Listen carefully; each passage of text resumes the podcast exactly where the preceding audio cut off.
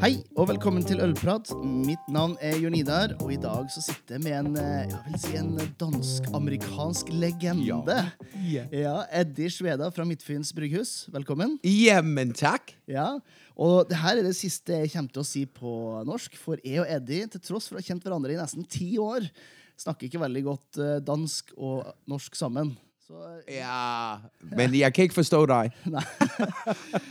so I think we're just switching straight over to um, to English. Yes, that And, would be um, nice. And Eddie, thank you for uh, for coming. Thank you. And um, let's just start right off the bat. Um, what's your what's your story? I mean, even before getting to uh, to the brewing side of things. Yeah, men uh, I'm American, uh, born in Virginia, uh, and uh, have uh, yeah lived there all my life. And at 28, I met a young, young, beautiful Danish woman. Fell in love, got married, and four years later, I was living in Denmark. Yeah, Yeah, that's the qu- the quick story. that's a quick Yeah. story. And and since then, um, you have been in uh, in the wine business, in the food business, but in the last uh, what ten? No, actually, this is 13th year. 13th year? Yes, the lucky one. Yeah. Lucky 13. Lucky 13. Yeah. You've been in, in the beer business. Yes. And you um, you you bought Midtfyns uh, Bryghus Yeah. back in um, what is it then? That's going to be uh, the 1st of November 2006. It was about a year and a half old. a long long time ago. yeah, they, it's almost it's almost a lifetime. yeah, that was way before barrel aging or New England yeah, yes. everything. Keep it simple, old school. yeah. And um, and you took this and you have done yeah well in in in my not so object, objective uh, view some fantastic things since then with Midtfyns. Uh, brewery of the year, Yeah.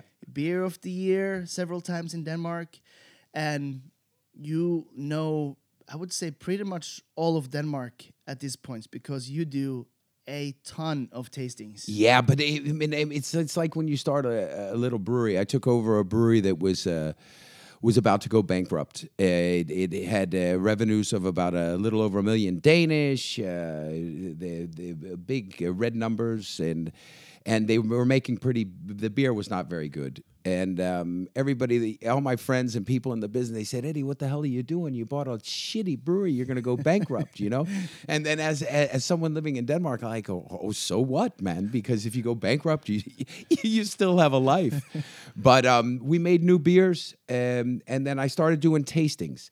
Because when you have a brewery with a bad reputation, you want people to taste your beer, and you want to be able to talk to as many people as you can. So actually, I started doing beer tastings for two anybody that wanted to talk to me. Two people, four people, six people, and it's now become um, a, a- an integral part of my business. Where I do 130 to 170 beer tastings a year in Denmark alone.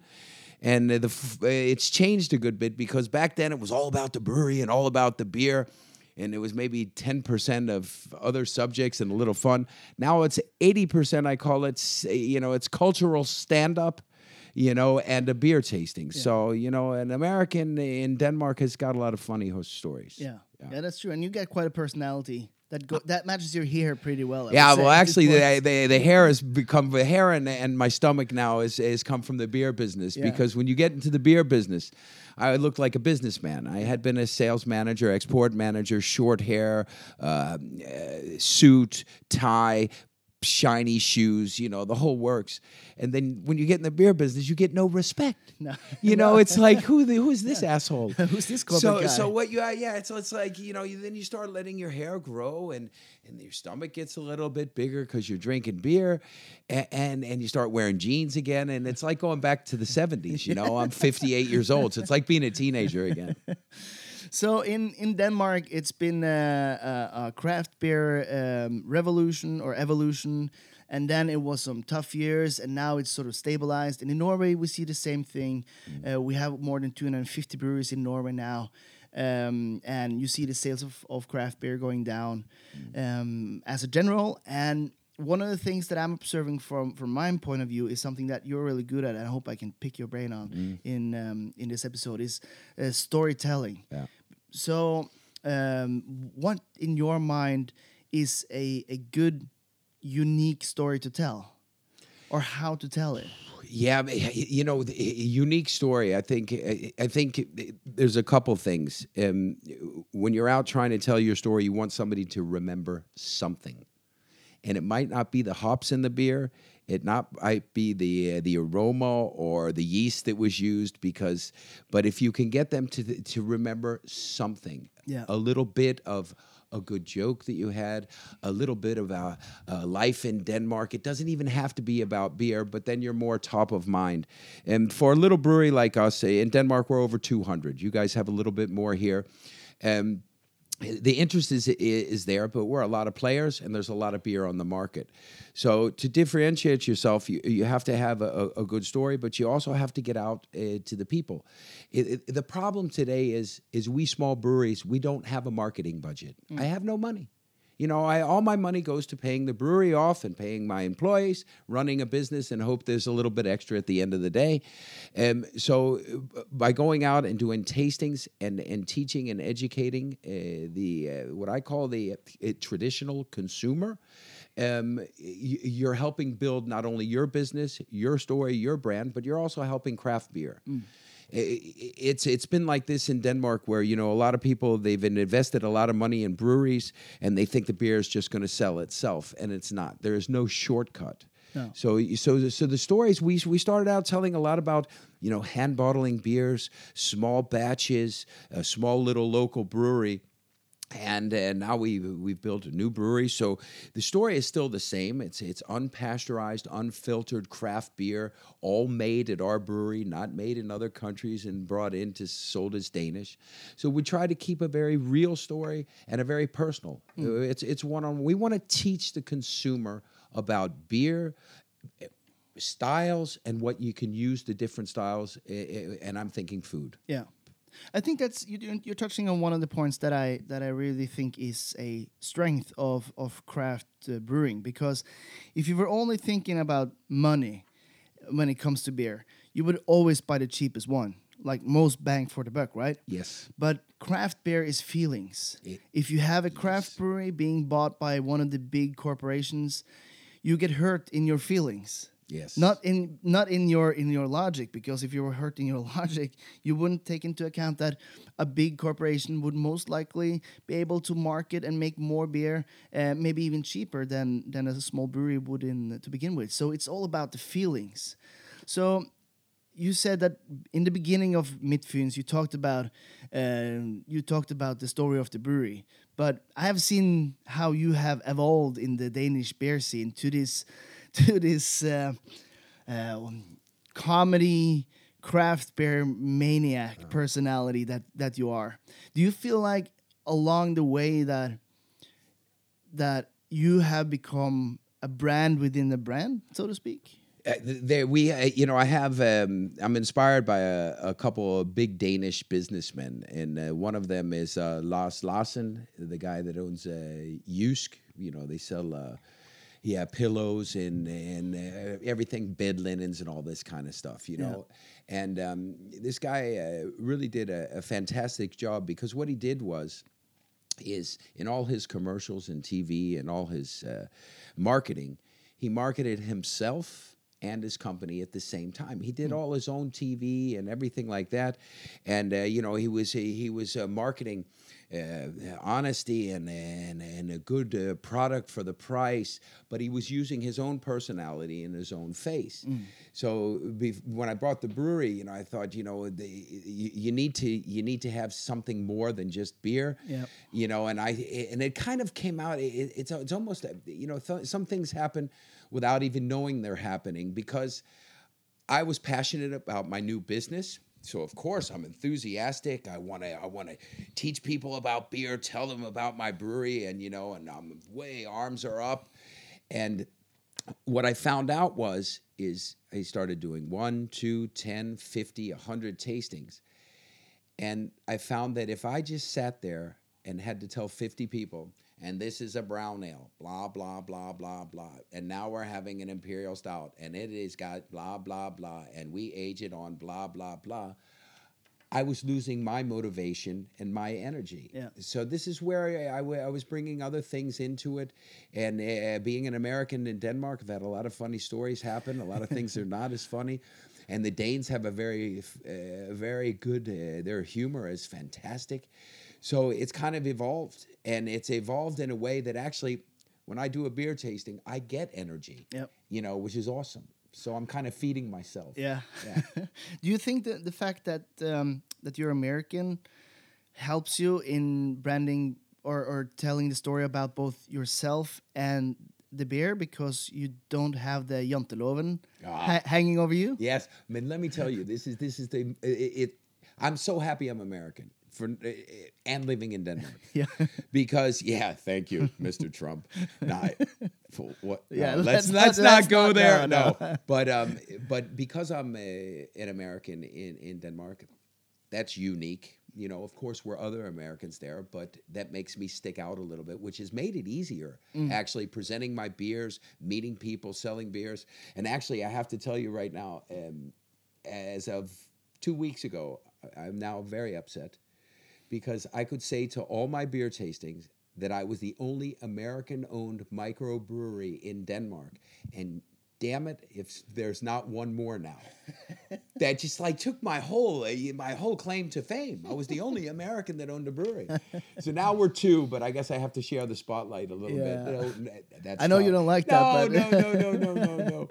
But um, it's been a, the, the the thing about uh, Danish people. Of course, I feel very privileged living in Denmark in the social system compared to being an American and living in the United States. Because if you ask me, and I tell the Danes to my tastings, you guys, you are spoiled and you complain all the time. You know, I feel privileged. You know, living in that country, being Yeah. very well taken care of.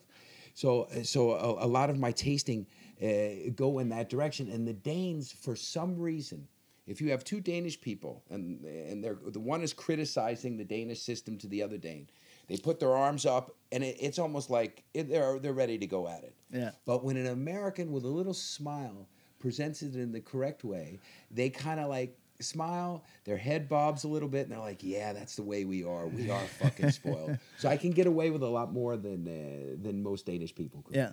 So you you basically use uh, yourself as uh, leverage on on telling a story about beer. Yeah, uh, you know what? It's I'm 58, and, and, and the good thing about getting old is is you have a lot of stories, you have a lot of life experiences, and I pull on my life many many different places to be a part of my beer tastings today. And actually, believe it or not, when I say 80% of my beer tasting is is is is more fun, and, and 20% about beer, that's probably correct. And the other thing is, is I have a lot of subject matter that if you really listen and you want to take something home, there might be a little thing you can take home that can make your life a little easier, a little better, make you think a little bit about, more about what you do every day. Yeah. and that that gives me uh, that gives me so much happiness. Yeah. Yeah. So as we see in Norway, uh, more and more breweries are starting up. Everyone has there's something unique about them. If you could give them like one advice how to tell their story in a in the best possible way in, in your in your through your eyes, what would uh, what would you be a, a, an advice for them? that that's really tough because um, we have the, the same in Denmark. We have a lot of breweries, um, and and and they're all they all have their uniqueness in their own way. They have their strengths, their weaknesses. I think um, I think there's two things. I think number one, y- you have to tell a story that. Um, you, that you're passionate about that, that that's your story. You don't don't make a story up to fit the consumer and to try to sell this beer or try to market this. You know, uh, be yourself. Um, the other thing is is is it takes a long time. You know, eh, we have a we have a, in Denmark a lot of uh, breweries that have yeah, started up and started up big and thought they were going to really just uh, conquer the craft beer scene. It's not the way it works. It's a lot of hard work. So I think you have to combine good story. The beer's got to be good No, of course. but but it's not everything, you know, because what is the world's best beer? You know, or what is what do you like is not what I like. So the beer is kind of a part of the total experience. But I think you, you have to show the passion, and you have you have to yeah you have to you have to you have to believe you know in, in, in what you're doing and, and yourself, and and, uh, and don't go out and and and bullshit people. Yeah, I think that's uh, a life lesson. Oh, Don't- don't- it- it is a life lesson, and it, it sounds like common sense, but don't don't try to make things something they're not. No. you know because. You know, we have that challenge in in Denmark, and I don't know if you guys have it here, but we have uh, Phantom Brewers, Yeah. and I have nothing against Phantom Brewing. Uh, I think it's awesome, contract you know, and, and contract brewing, uh, collaborating. I think it brings out some awesome products and and and, and a good che- chemistry. But in Denmark, we have some breweries that actually go to countries like Poland, uh, where they brew the beer because it's cheaper to brew, and then they bring it back and sell it in supermarkets at a very low price with a Danish label on it, and um, and that's that's the wrong story. Yeah. You know, in my eyes, i i- it's okay to collaborate, and there are good brewers in Poland. Also, it's not the country, but the the reason they're doing it is to keep the cost price down, so they can sell it in discount shops in mm-hmm. Denmark, and we can't compete. And that, th- th- for me, that's the. It's again being. A, it's about being honest and and making. A, it's not about being rich and being a millionaire. The people that are have come into the beer business thinking they're going to be millionaires, they, they, they're going to get a shock. Yeah. because it's it's it's about doing something you love. Uh, maybe be in business for yourself, meeting a lot of great people, and uh, having a lot of great experiences, and Yep. hopefully we pay our bills. I think that's I think that's very important to um, to sort of emphasize. It's, it's about hard work and patience, and uh, in this business, you you have to be willing to to sacrifice a lot for a, a pretty long time, and without any guarantee of making a success of it. So um, even though it's been a, a, a in Norway and, and Sweden, Denmark, in the U.S., it's been for for many years. It's been uh, a business where it seems like it's um, quote unquote uh, uh, quick cash. Uh, It's a it's a hype. The hype Yeah. train is always going. Um, it's all about doing hard work and where you really There's no shortcuts. You Yeah. know, I mean, it's, I always use this uh, analogy when you uh, see a um, one of the big actors in a big major motion picture film. Yep. That's not where they started. Not at You all. You know, they started in New York driving a taxi or working as a waiter. They went to the first thousand auditions where they got a no. Then they may have gotten one line in a TV commercial, and then a thousand auditions m- more, and then maybe they get their big break. That is Yeah. the step to the next one, the next one, the next one. You don't start up here. Nobody does. Everybody thinks they start up here. It- no. And They- and, and and I think the only ones that can start on top is the ones with a lot a lot of money Yeah. which is usually inherited and I, I will bet you those people are not going to be happy because they lack the passion that you're showing the one that we have because we're telling a, a genuine true story of struggle Yeah, but you know, you know what? I, there's two ways to look at it. Just because you, you're born into money doesn't mean that you can't be passionate and use it in the right way. Uh, some probably do, some probably don't. But I think um, I, I think um, uh, the trip that you go through, starting with I mean, starting with absolutely nothing and building it up slowly, and then maybe having a little something it is much more uh, it makes me feel better knowing that I started at the bottom. Yeah. I mean actually below the bottom. It was about to close and it's shitty beer and everybody's saying, "Eddie, what are you fucking doing?" and and now we're not out of the woods, but we're we've been here for this our 13th year. And every every time we have our general meeting, we have a big party every year. I always I promise no more than to my shareholders that uh, guess what? We'll take one more year. So I promise one year at a time because I really don't know. no Why?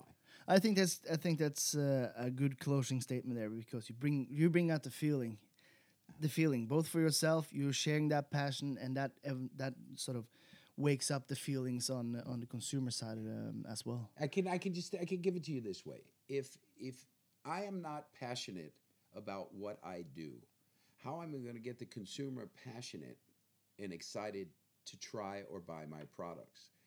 Can't be done. That's true. starts right here. Yeah. One of the first uh, things that I learned from you about nine years ago, eight years ago maybe, was that you can make the best beer in the world, but if no one knows about it, you will never sell it. Yeah, you, that's, um, that's it. uh, You know, eighty percent everybody thinks it, it, it, it's the beer, but it's it's it's the marketing, it's the distribution, Hmm. and the consumer needs to know you exist. yeah, Without that, you're going nowhere. yeah, that's true. Eddie, I want to thank you for spending some time with uh, me talking here about Mange the takk. um, og til dere som hører på, så vil jeg takke for at dere hørte på. Husk å legge igjen en eh, stjerne eller eh, fem på iTunes. Skriv gjerne en anmeldelse. Det hjelper algoritmen og alle disse big data-folkene. Og så til neste gang så vil jeg dere skal huske at eh, gode folk fortjener godt øl. Ha det!